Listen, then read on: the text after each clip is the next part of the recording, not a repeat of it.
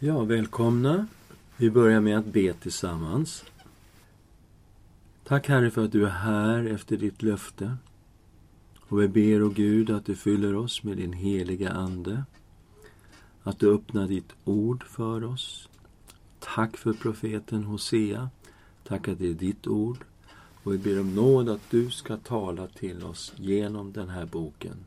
I Jesu Kristi namn. Amen. Förra gången gjorde vi ju ett bakgrundsstudium.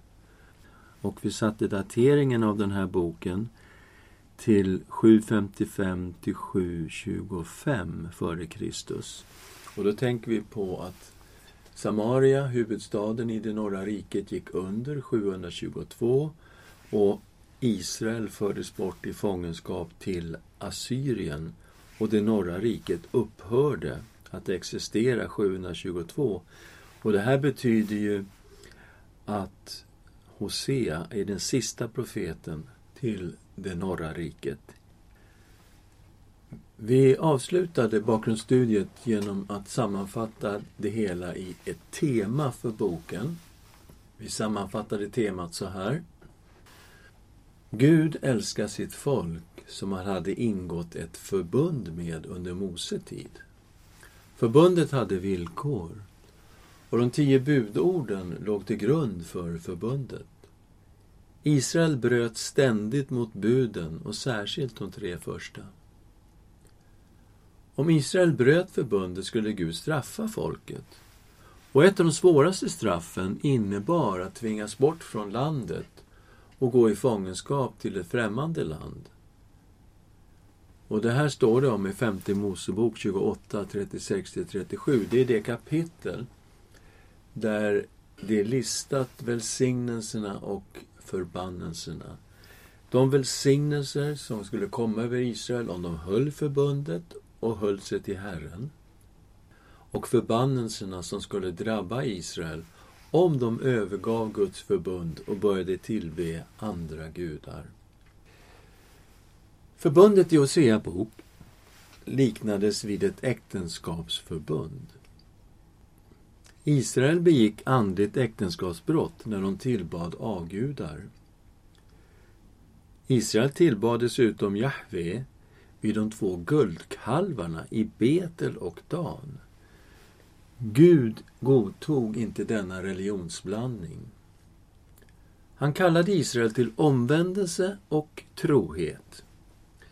Gud ville inte döma Israel, men han tvingades till det på grund av folkets otrohet. Och vi hade också några sammanfattande tankar.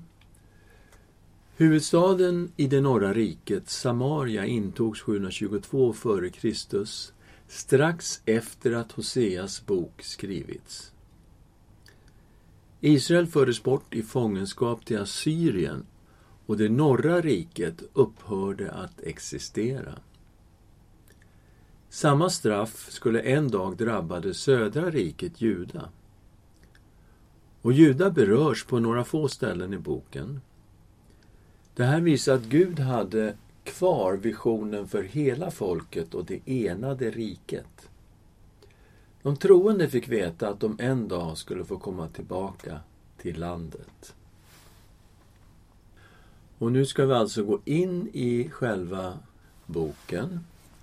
Och vi börjar med att läsa den andra versen som på något sätt också är ett tema för boken. Detta är början av Herrens ord genom Hosea. Herren sa till honom Gå och skaffa dig en otrogen hustru och barn till en otrogen hustru. För landet har varit otroget och övergett Herren. Så det är någonting anmärkningsvärt med den här boken att profeten Hosea uppmanades av Gud att gifta sig med en otrogen kvinna. Och profetens äktenskap speglade på så sätt hela den andliga situationen i landet och blev också en del av det profetiska budskapet till Israel. För Gud hade ju en förbundsrelation med Israel Och i Hosea bok liknas det här förbundet vid ett äktenskapsförbund. Så när Israel gick bort och tillbad olika avgudar då begick man andligt äktenskapsbrott. Och vi kan se här hur profetens familj blir en del av hela budskapet, även hans barn. Vi kommer till tredje versen. Då gick han bort och tog Gomer, Diblajims dotter, till hustru. Och hon blev havande och födde en son åt honom. Herren sa till honom, ge honom namnet Jisrael. för när ännu en liten tid har gått ska jag straffa Jisreels blodskulder på Jehus hus och göra slut på kungadömet i Israel. Och det ska ske på den dagen att jag ska bryta Israels båge i Jisreels dal. Så den första sonen fick namnet Jisreel. Och det finns en likhet här mellan Jisreel och Israel. Och jag tror att det har lite med saken att göra. Men det står också här, ge honom namnet Jisreel, för när ännu en liten tid har gått ska jag straffa Israels blodskulder på Jehus hus. Hur ska vi förstå det här? Vem är Jehu?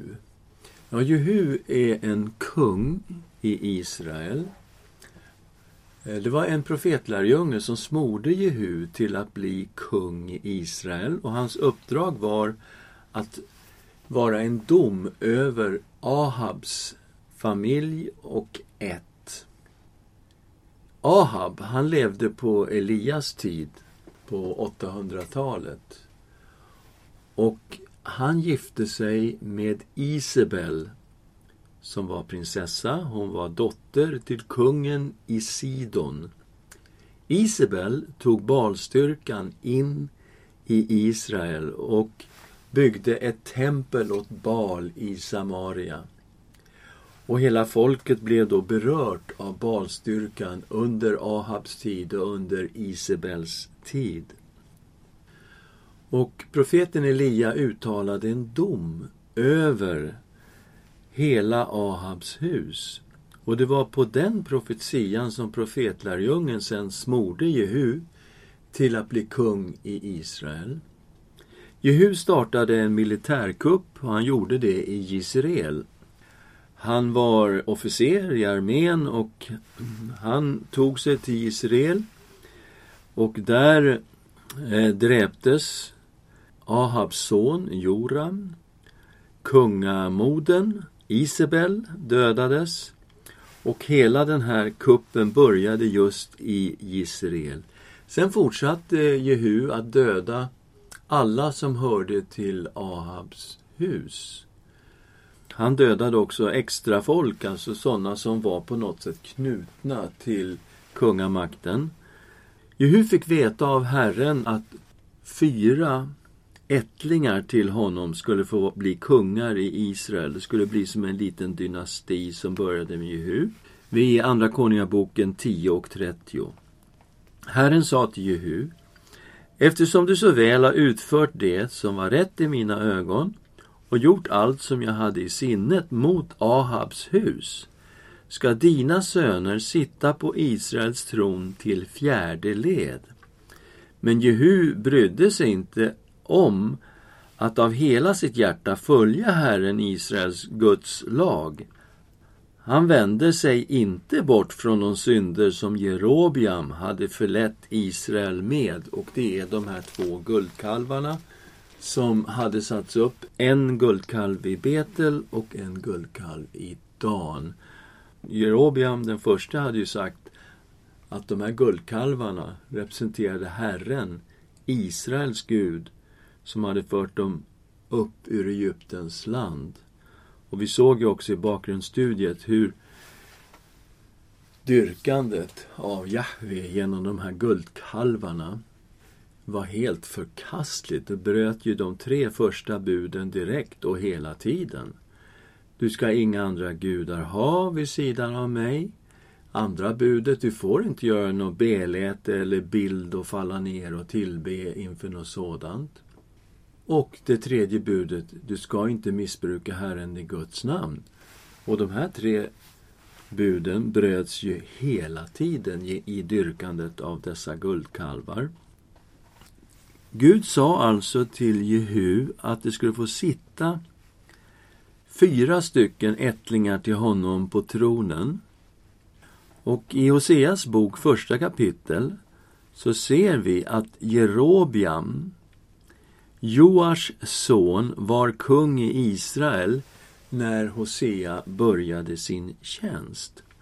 Och Jerobiam, han var son, son, son till Jehu, så det fanns en kvar för att det skulle bli fyra. Och det blev Jerobiams son Sakarja som 753 tillträdde som kung, men han satt bara i sex månader innan han blev störtad. Och här ser vi nu lite grann av denna profetia som gick i bokstavlig uppfyllelse då. För när ännu en liten tid har gått ska jag straffa Israels blodskulder på Jehus hus. Och Sakarja blev alltså siste kungen och han satt bara i sex månader. Men det står också här att Gud säger att han ska göra slut på kungadömet i Israel. Det vet vi att det skedde slutgiltigt inte så långt härefter. 722 så upphörde det norra riket att existera. Och det ska ske på den dagen att jag ska bryta Israels båge i Israels dal.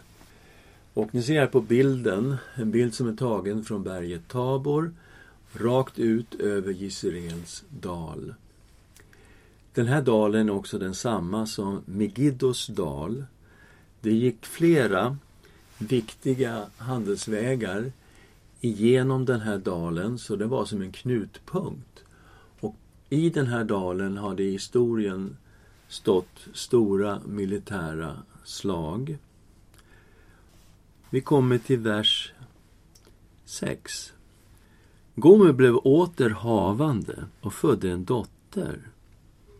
Då sa Herren till honom Ge henne namnet Lo Rohama för jag ska inte mer förbarma mig över Israels hus utan förkasta dem. Lorohama betyder hon som inte fått barmhärtighet. Och Gud säger att han ska inte längre förbarma sig över Israels hus utan han ska förkasta dem. Så det hade nått en gräns med avguderiet i Israel. Det hade kommit till sådana proportioner att nu skulle folket straffas, folket skulle föras bort i fångenskap och vi vet att det blev fångenskap till Assyrien. Men Gud säger också i den sjunde versen Men över Juda hus ska jag förbarma mig och jag ska frälsa dem genom Herren, deras Gud. Men jag ska inte frälsa dem genom båge och svärd eller krig och inte genom hästar och ryttare.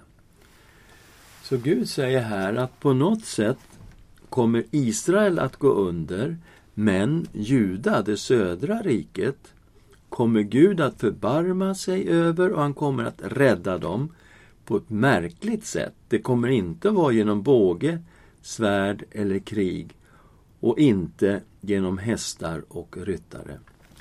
Och det här syftar ju säkert på vad som står i Andra Konungaboken 19. Vi är längre fram, det är år 701. Och det här är profeten Jesajas tid och det kungen heter Hiskia i Juda. Och assyrierna hade kommit med en stor armé mot Jerusalem och hotade staden att de skulle inta staden. Kung Hiskia gick inför Gud och bad, la fram hela situationen och bad till Herren. Och vi läser Guds ord genom profeten Jesaja i Andra Konungaboken kapitel 19, vers 32. Därför säger Herren så om Assyriens kung. Han ska inte komma in i denna stad eller skjuta någon pil dit in. Han ska inte närma sig den bakom en sköld eller kasta upp en vall mot den. Han ska vända tillbaka samma väg som han kom. Han ska inte komma in i denna stad, säger Herren, för jag ska skydda och rädda denna stad för min och min tjänare Davids skull. Och så står det då, samma natt gick Herrens ängel ut och slog 185 000 i assyriernas läger. När man steg upp tidigt nästa morgon, då låg där fullt av döda kroppar. Då bröt Assyriens kung Sanherib upp och vände tillbaka. Han stannade sedan i Nineve. Och när han en gång tillbad i sin gud Nisroks tempel blev han dödad med svärd av sina söner Adramelek och Sareser. De flydde sedan till Ararats land. Hans son Esarhaddon blev kung efter honom. Så här är ju en exakt uppfyllelse av den här profetian som vi läser om i Hosea 1 och 7. Men över Judahus ska jag förbarma mig och jag ska frälsa dem genom Herren deras Gud. Men jag ska inte frälsa dem genom båge och svärd eller krig och inte genom hästar och ryttare. Vi läser vidare. Vi kommer till den åttonde versen. När Gomer hade avvant Lo Hama blev hon åter havande och födde en son. Då sa han Ge honom namnet Lo Ami för ni är inte mitt folk och jag tillhör inte er. Det här är ju ytterst anmärkningsvärt att Israel får höra ni är inte mitt folk och jag tillhör inte er. Hur kan det vara på detta sätt? Vi kan också läsa i det här sammanhanget kapitel 8, vers 8. Israel blir uppslukad. De räknas nu bland hedna folken som ett kärl ingen vill ha. Israel var ju Guds egendomsfolk. Gud hade sagt till det här folket att det skulle vara ett prästfolk bland alla folk på jorden. Och här hade nu detta folk övergett tillbedjan av Jahve, sin Gud, och istället börjat be till olika avgudar. Man hade alltså tagit till sig religionerna i länderna runt omkring och Israel hade blivit uppslukat de räknas nu bland hedna folken som ett kärl ingen vill ha. Och här i första kapitlet mötte vi Ge honom namnet Lo Ami, för ni är inte mitt folk och jag tillhör inte er. Här är ju skakande när man tänker på hela den här situationen. Men ändå så undrar man, hur ska det då gå med Guds förbund och Guds löften? Gud hade gjort ett förbund med Abraham, han hade gett fantastiska löften till Abraham. Och då kommer vi till den tionde versen i kapitel 1. Men antalet av Israels barn ska bli som havets sand, som inte kan mätas eller räknas. Och det ska ske att på platsen där det sades till dem, ni är inte mitt folk, ska det sägas till dem, ni är den levande Gudens barn. Så Guds löften till Abraham, Isak och Jakob, de fanns ju kvar. Och de kommer alltså en dag att gå i uppfyllelse. Det står men antalet av Israels barn ska bli som havets sand som inte kan mätas eller räknas. Så trots att domen skulle gå över Israel så stod de här löftena kvar. Och vi kan dra oss till minnes i Första Mosebok kapitel 22 där vi läser om hur Gud kallade Abraham att offra sin son. Hur Herren grep in och istället försåg med en bagge som offrades istället för Abrahams son. Och vi kommer till Första Mosebok 22 och 15. Herrens ängel ropade igen till Abraham från himlen. Jag svär vid mig själv, säger Herren, eftersom du har gjort detta och inte undanhållit mig din enda son ska jag välsigna dig rikligt och göra dina efterkommande talrika som stjärnorna på himlen och som sanden på havets strand. Och din avkomma ska inta sina fienders portar. I din avkomma ska jordens alla folk bli välsignade därför att du lyssnade till min röst. Så här har vi det som står i Hosea bok att antalet av Israels barn ska bli som havets sand som inte kan mätas eller räknas. Men i det här löftet ligger ju detta märkliga att i din avkomma ska jordens alla folk bli välsignade därför att du lyssnade till min röst. Och när vi kommer in i Nya testamentet så ser vi ju att denna avkomling till Abraham är Kristus. Vi kommer till Galaterbrevet kapitel 3 och vers 16. Nu gavs löftena till Abraham och hans avkomma.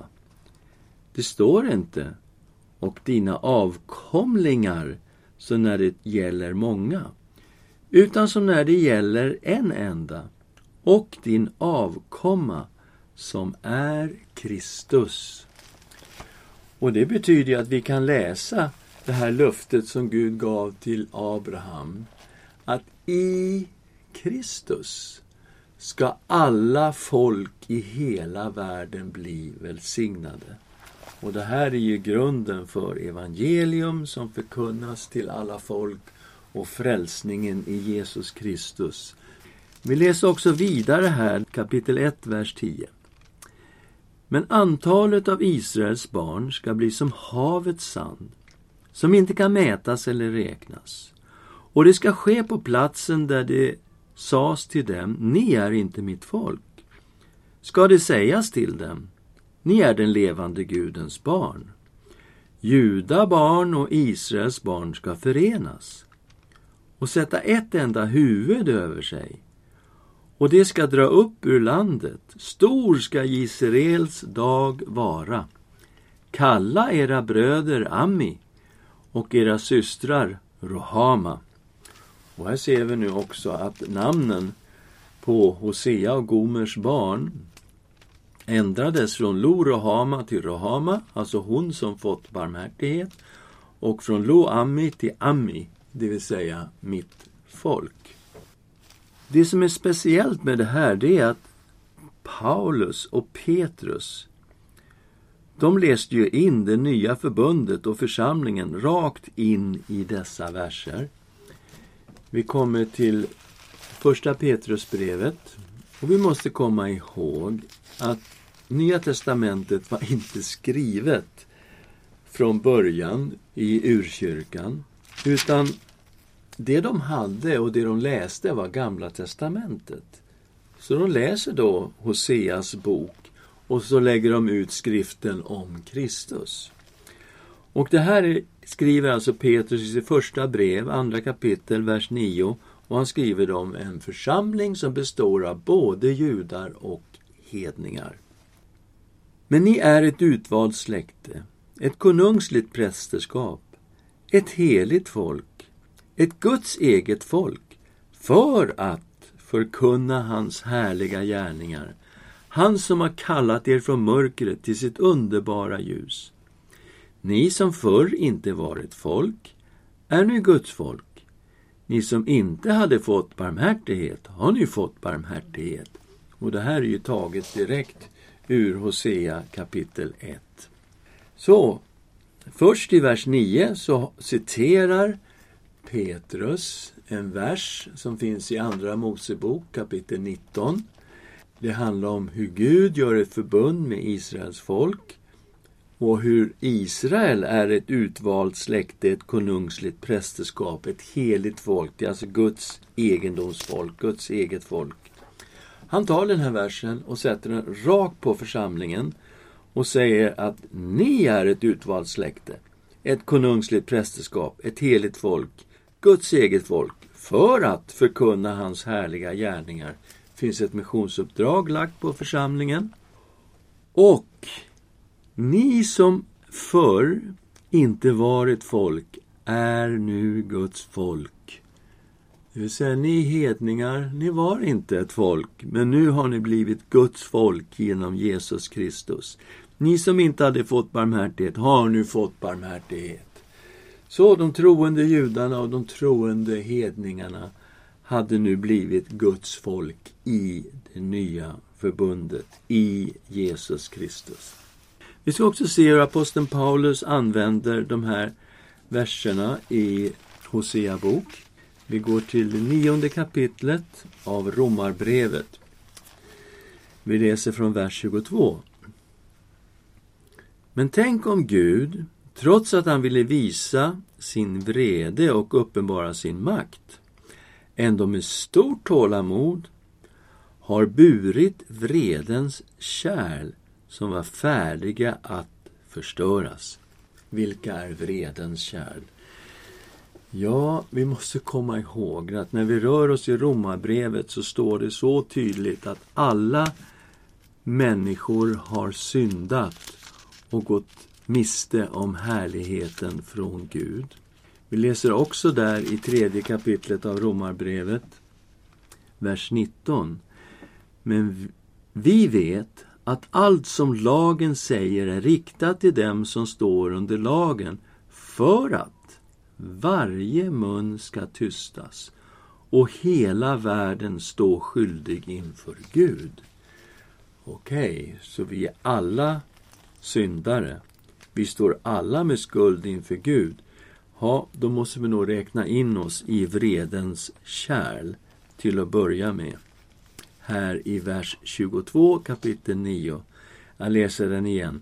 Men tänk om Gud, trots att han ville visa sin vrede och uppenbara sin makt, ändå med stort tålamod har burit vredens kärl som var färdiga att förstöras. Och om han gjorde det för att uppenbara sin rika härlighet på barmhärtighetens kärl, som han i förväg berett för härligheten, till att vara sådana har han kallat oss, inte bara från judarna utan också från hedningarna. Så den som har tagit emot Jesus Kristus räknas nu till barmhärtighetens kärl, har fått förlåtelse för all sin synd, har fått frälsning i Jesus Kristus, har fått en personlig gemenskap med Gud, så vi har blivit barmhärtighetens kärl. Och så kommer Hosea in här i vers 25. Så säger han genom Hosea. Det som inte var mitt folk ska jag kalla mitt folk. Och den oälskade ska jag kalla min älskade. Och på platsen där det sades till dem, ni är inte mitt folk, ska det kallas den levande Gudens barn. Så här har vi nu en situation som gäller både judar och hedningar i Kristus. Om hedningarna är det definitivt sant att det var inte Guds folk, men får nu heta att de är den levande Gudens barn. Så nu går vi tillbaka med detta och ser hur både Petrus och Paulus har läst Hosea 1. Men antalet av Israels barn ska bli som havets sand som inte kan mätas eller räknas. Det ska ske på platsen där det sades till dem, ni är inte mitt folk. Ska det sägas till dem, ni är den levande Gudens barn. Juda barn och Israels barn ska förenas och sätta ett enda huvud över sig och vi förstår att denna person är Kristus för det enade gudsfolket. Och det ska dra upp ur landet, stor ska Jesraels dag vara. Kalla era bröder Ami och era systrar Rohama. Man kan alltså läsa in Nya förbundet rakt in i de här verserna. Precis som aposteln Paulus och aposteln Petrus gjorde. Vi kommer nu in i andra kapitlet och vi kommer att möta hur Hoseas hustru och Israel måste sluta upp med otroheten. Och den här texten väver på något sätt ihop Hoseas hustru och situationen för henne och situationen för Israel. Det går liksom i vartannat på något vis i den här texten som ligger framför. Vi läser två och två. Gå till rätta med er mor, gå till rätta, för hon är inte min hustru och jag är inte hennes man. Hon måste få bort sin otukt från sitt ansikte och sin otrohet från sina bröst. Det är klart man kan tänka sig att det här också gäller Gomer, att det alltså i så fall är Jisrael och Lorohama och Loami, som ska gå till rätta med sin mamma och säga till henne att hon måste straighta upp. Men framför allt handlar det ju om Israel. Gå till rätta med er mor. Vilka är mor här? Ja, det måste vara Israel. Men vilka är det som ska gå till rätta med sin mor? Ja, då får vi använda lite fantasi och tänka oss kvarleva. Det fanns alltså en troende del av Israel som följde Guds ord, som följde profeten Hosea, följde profeten Amos, en troende del av Israel. Och det är de då som uppmanas att gå till rätta med resten av Israel så att de blir av med detta avguderi. För Gud säger, hon är inte min hustru och jag är inte hennes man. Så tror jag vi måste läsa den här versen. Och så går vi vidare. Eh, vi börjar i vers 3. Annars ska klä av henne naken och låta er stå där som den dag då hon föddes. Alltså Gud ska komma med skam över Israel. Jag ska göra henne till en öken. Här får vi förstå att jag ska göra henne ofruktsam och hela den här idén med balstyrkan Eh, hade att göra med fruktbarhet. Jag ska låta henne bli som ett torrt land och dö av törst. Hennes barn ska jag inte förbarma mig över. Här ser vi hur det blandas in namnet på Hoseas dotter, Lorohama, som inte då har, hon som inte har fått förbarmande. Hennes barn ska jag inte förbarma mig över, för de är barn till en otrogen kvinna. Ja, deras mor var otrogen. Hon som födde dem gjorde skamliga saker.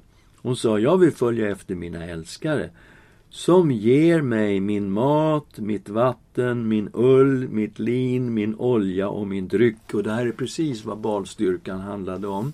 Fruktbarhet på alla tänkbara områden i livet. Och det här med att det fanns massa barn behöver man inte tolka bokstavligt. Det kan också vara så att det var fler och fler och fler som började tillbe Baal. Och på så sätt så blev det andliga barn i detta andliga äktenskapsbrott som Israel levde i. Vers 6. Därför ska jag stänga din väg med törnen. Jag ska resa en mur framför henne så att hon inte finner sina stigar. När hon då löper efter sina älskare ska hon inte få fatt på dem. När hon söker dem ska hon inte finna dem.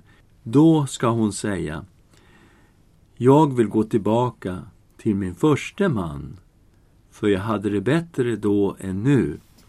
Okej, okay, så Gud kommer på något sätt stänga vägen, han kommer göra hinder för Israel. Och tanken är då att på så sätt ska Israel vilja gå tillbaka till Herren. Israel trodde att det var Baal som gav henne eh, fruktbarhet och tänkte inte på att det var Jahve, Israels Gud, som hade skapat himmel och jord och som var den som var livgivande till allting. I vers 8. Men hon har inte förstått att det var jag som gav henne både säden och vinet och oljan och som gav henne mycket silver och guld som de använde till bal. Och Gud säger han kommer att drabba alla dessa områden och stoppa eh, fruktbarheten. Vers 9. Därför ska jag ta tillbaka min sed när tiden är inne och mitt vin när stunden kommer. Jag ska ta bort min ull och mitt lin som hon skyler sin nakenhet med. Och så vidare. Jag ska göra slut på all hennes fröjd, på hennes fester, nymånader, sabbater och alla hennes högtider. Och det här är alltså den religiösa högtiderna som man följde på olika sätt när man tillbad Bal. Men Gud ville alltså vinna tillbaka Israel. Vi kommer till 2 och 14. Jag ska locka henne bort och föra henne ut i öknen och tala till hennes hjärta. Sedan ska jag ge tillbaka hennes vingårdar och göra Akors dal till en hoppets port. Där ska hon sjunga som i sin ungdoms dagar, så på den dag då hon drog upp ur Egyptens land. Och Akors dal, det betyder olyckans dal. Han ska ändra Akors dal och göra det till hoppets port. Och det här med att hon sjöng när hon kom ut ur Egypten, vi kommer ihåg när Gud räddade Israels folk genom Röda havet under Mose tid, när de kom över på andra sidan och var räddade, så sjöng de och de spelade och de dansade inför Herren.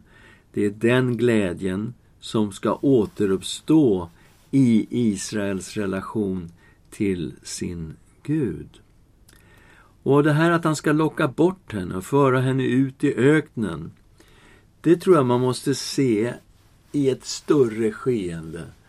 Därför att fångenskapen låg alltså runt hörnet. Och när assyrierna hade fört folket ut i fångenskap till Assyrien. Det är först efter detta som avguderiet upphör i Israel. Det gäller det södra riket också. Ända fram till 586 när Juda fördes bort i fångenskap till Babel, när templet blev förstört, Jerusalem blev förstört. Först när man kommer tillbaks ifrån fångenskapen, det är då Israel blir en monoteistiskt folk på riktigt. Och detta med avguderiet försvinner efter man har kommit tillbaks ifrån fångenskapsperioden. Och det är så vi måste se det här, att han lockar ut henne i öknen. Det är en lång tid det kommer att röra sig om. För målet är att de ska komma tillbaka till Herren. Det här är också viktigt därför att det handlar om att Gud inte bara straffar Israel bara för att hon har brutit förbundet och brutit Guds lagar och börjat tillbe andra gudar. Han har ett syfte med det som han låter drabba Israel. Han har ett fostrande syfte med det, inte bara straff så, utan det finns verkligen någonting fostrande i det här. Vi kommer ner till sextonde versen och vi ser nu hur Gud faktiskt vill förnya äktenskapsförbundet med Israel. Det ska ske på den dagen, säger Herren, att ni ska kalla mig min man och inte mer kalla mig min bal. Balernas namn ska jag ta bort ur hennes mun och man ska inte mer minnas deras namn. Detta skedde alltså först efter fångenskapen, att detta med balerna försvann både ur det norra och det södra riket. Så det ska vi hålla i minnet att det kan finnas ganska stora tidsperspektiv här. Vi kommer till artonde versen. På den dagen ska jag sluta ett förbund med dem Och nu måste vi lyssna för nu kommer vi in i det som rör det nya förbundet. Och vi vet att det här är beskrivet i detalj i Jeremia 31. Det nya förbundet. Det, Jeremia är ju betydligt senare. Han är ungefär hundra år efter Hosea. Och det är i Jeremia bok kapitel 31 som vi möter det nya förbundet. Jeremia 31 och 31. Se, dagar ska komma, säger Herren, då jag sluter ett nytt förbund med Israels hus och med Juda hus. Inte som förbundet jag slöt med deras fäder på den dag jag tog deras hand och förde dem ut ur Egyptens land. Förbundet med mig som de bröt, fastän jag var deras rätte herre, säger Herren. Nej, detta är förbundet som jag efter denna tid ska sluta med Israels hus, säger Herren. Jag ska lägga min lag i deras inre och skriva den i deras hjärtan. Jag ska vara deras Gud och det ska vara mitt folk. Då ska de inte mer behöva undervisa varandra, ingen sin broder och säga lär känna Herren. Alla ska känna mig, från den minste av den till den störste, säger Herren, för jag ska förlåta deras missgärningar och aldrig mer minnas deras synder. Det här är alltså ett förbund som uppfylldes i Jesus Kristus. Det är det här som är det nya förbundet i Jesus Kristus. Och när vi kommer till Hebreerbrevet 8 så är ju hela den här texten citerad i Hebreerbrevet 8 och vi ser att det är detta som är det nya förbundet. Så här i Hosea kommer vi nu i 2.18 på den dagen ska jag sluta ett förbund med dem. Med djuren på marken, med fåglarna under himlen och med kräldjuren på jorden. Både båge och svärd och krig ska jag bryta och ta bort ur landet och låta dem bo i trygghet. Så allt levande i landet kommer att innefattas i det nya förbundet. Djuren, fåglarna och kräldjuren, det är alltså hela skapelsen i princip. När Gud gör ett nytt förbund och han ska skapa ett fridsrike. Båge och svärd och krig ska brytas och tas bort ur landet Det ska alltså bli ett fredsrike. Och så kommer då hur Gud är villig att förnya äktenskapsförbundet. Och då måste vi lyssna ännu noggrannare därför att i det nya förbundet så är församlingen Kristi brud och Kristus är brudgummen. Jag ska trolova dig med mig för evigt. Jag ska trolova dig med mig i rätt och rättfärdighet, i kärlek och barmhärtighet. Jag ska trolova dig med mig i trohet, och du ska känna Herren. Och vi såg att detta var ett kännetecken på det nya förbundet i Jeremia 31, att alla ska ha en personlig relation med Gud och på så sätt känna Herren. Jag tror också vi ska läsa här faktiskt ett par verser som visar hur vi som församling är Kristi brud. Vi går till Efesierbrevet kapitel 5 och vi läser vers 31 och 32. Därför ska en man lämna sin far och sin mor och hålla sig till sin hustru och de två ska bli ett kött. Denna hemlighet är stor. Jag talar om Kristus och församlingen. Så det finns en sorts äktenskapsrelation mellan Kristus och hans församling. Vi är trolovade med Kristus. Och en dag ska det bli en stor bröllopsfest när Jesus kommer tillbaka. Det handlar om en väldigt intim relation mellan Kristus och hans församling. På så sätt att vi är i Kristus och Kristus är i oss. Mycket nära relation. Och med det i tankarna läser vi om det här i 2 och 19 i Hosea. Jag ska trolova dig med mig för evigt. Jag ska trolova dig med mig i rätt och rättfärdighet, i kärlek och barmhärtighet. Jag ska trolova dig med mig i trohet, och du ska känna Herren. Vers 21. Och det ska ske på den dagen att jag ska svara, säger Herren. Här kommer fruktbarheten in, som var en så viktig fråga. Jag ska svara, säger Herren. Jag ska svara himlen, och den ska svara jorden, och jorden ska svara säden, vinet och oljan, och det ska svara Israel. Jag ska plantera henne åt mig i landet. Jag ska förbarma mig över Lo Rohama och säga till Lo Ammi, du är mitt folk, och det ska svara, du är min Gud. Och här ser vi nu hur långt Gud var villig att gå för Israels skull. Han ville alltså förnya äktenskapet helt och fullt mellan sig själv och Israel.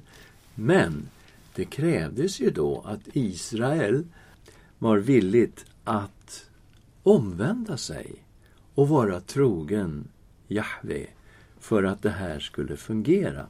Och då kommer vi in i tredje kapitlet. Och vi läser om Hosea och Gomer och vi läser om Gud och Israel. Och vi ser parallellen fortsätter här i tredje kapitlet. Herren sa till mig, gå och älska din hustru igen, fastän hon älskas av en annan och har begått äktenskapsbrott. Älska henne så som jag, Herren, älskar Israels barn, trots att de vänder sig till andra gudar och älskar druvkakor. Så Gomer hade gått iväg, hon hade gett sig åt en annan man.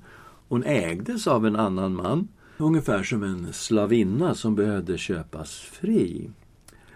Men Gud säger alltså till profeten Hosea, du ska gå och älska din hustru igen, fastän hon älskas av en annan och har begått äktenskapsbrott.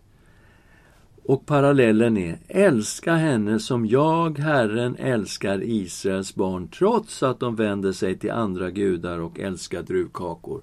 Okej, okay. så Gud var villig att verkligen gå hela vägen. Vers 2. Då köpte jag henne åt mig för femton siklar silver och en homer och en letek korn. Jag sa till henne, under lång tid ska du vara hos mig. Var inte otrogen och ge det inte åt någon annan man. Jag ska vara hos dig. Så, Hosea fick alltså lov att köpa fri sin hustru från en annan man. Och priset han betalade var ungefär det priset som man ser i tredje Mosebok att man måste betala för att köpa fri en slavinna. Och här kommer vi nu till hur Gud har köpt oss fria genom Jesu Kristi dyra blod. Och vi ska påminna oss om detta genom att läsa Första Petrusbrevet kapitel 1 och vers 18.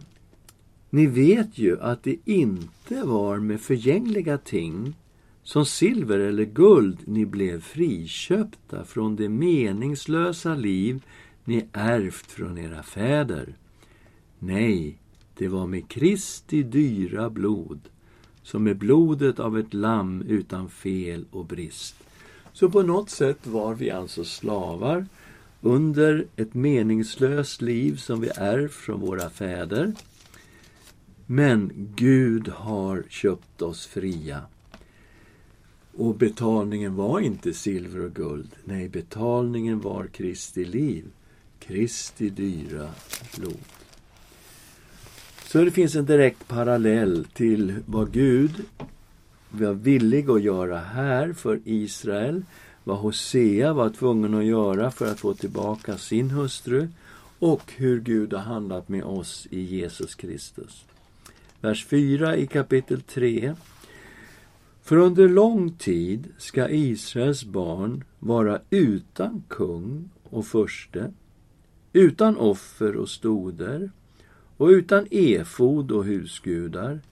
Sedan ska Israels barn vända om och söka Herren sin Gud och David sin kung. Med fruktan ska de söka Herren och hans godhet i kommande dagar. Så, lång tid, och nu tror jag vi måste våga tänka också fångenskapsperioden. Att det kommer att gå en lång tid. Israels barn kommer vara utan kung och furste. Alltså, landet kommer inte existera på det sätt som det gjorde när den här profetian uttalades. Utan offer, utan stoder, utan efod, utan husgudar. Och det här kommer också kunna appliceras senare på Juda. Under lång tid ska Israels folk vara utan kung och furste och så vidare. Sedan kommer en omvändelse. Sedan ska Israels barn vända om och söka Herren sin Gud och David sin kung. Och när det står David sin kung, ja då förstår vi att det handlar om det enade riket. Då handlar det alltså inte längre om Israel i norr och Juda i söder, utan David, han var ju kung för hela Israel. Och när det står David, ja då förstår vi att det pekar mot Messias, Kristus, Davids son. Så också de här verserna pekar in emot det nya förbundet i Jesus Kristus. Vi ska försöka göra en sammanfattning nu av kapitel 1 till 3. Gud har just beskrivit situationen i landet. Han hade lovat att han var villig att friköpa och förlåta sitt folk. Han ville inget hellre än att förnya sitt förbund med Israel. Från Guds sida var allt klart. Men Israel måste överge sin otrohet och hålla sig till sin Gud, Jahve.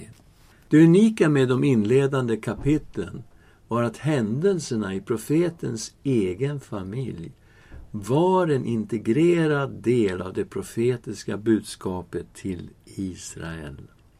Och här måste vi nu stanna. Tiden har gått. Vi kommer då fortsätta senare med början i kapitel 4 och framåt. Men låt oss be tillsammans. Herre, vi tackar dig för din kärlek till ditt folk. Trots att det såg ut som det gjorde i Israel Trots att folket hade gått iväg och tillbett andra gudar så fanns hela tiden möjligheten till omvändelse, till försoning. Vi ser hur långt du var villig att gå för att förnya äktenskapsförbundet med ditt folk Israel. Och vi tackar dig, Herre, för att vi får vara i det nya förbundet och att du, Herre Jesus Kristus, är vår brudgum och vi får vara din brud. Och vi vet, Herre, att vi en dag är på väg hem till det stora bröllopet när du kommer tillbaka, Herre Jesus. Vi tackar och prisar dig för ditt ord. I Jesu Kristi namn. Amen.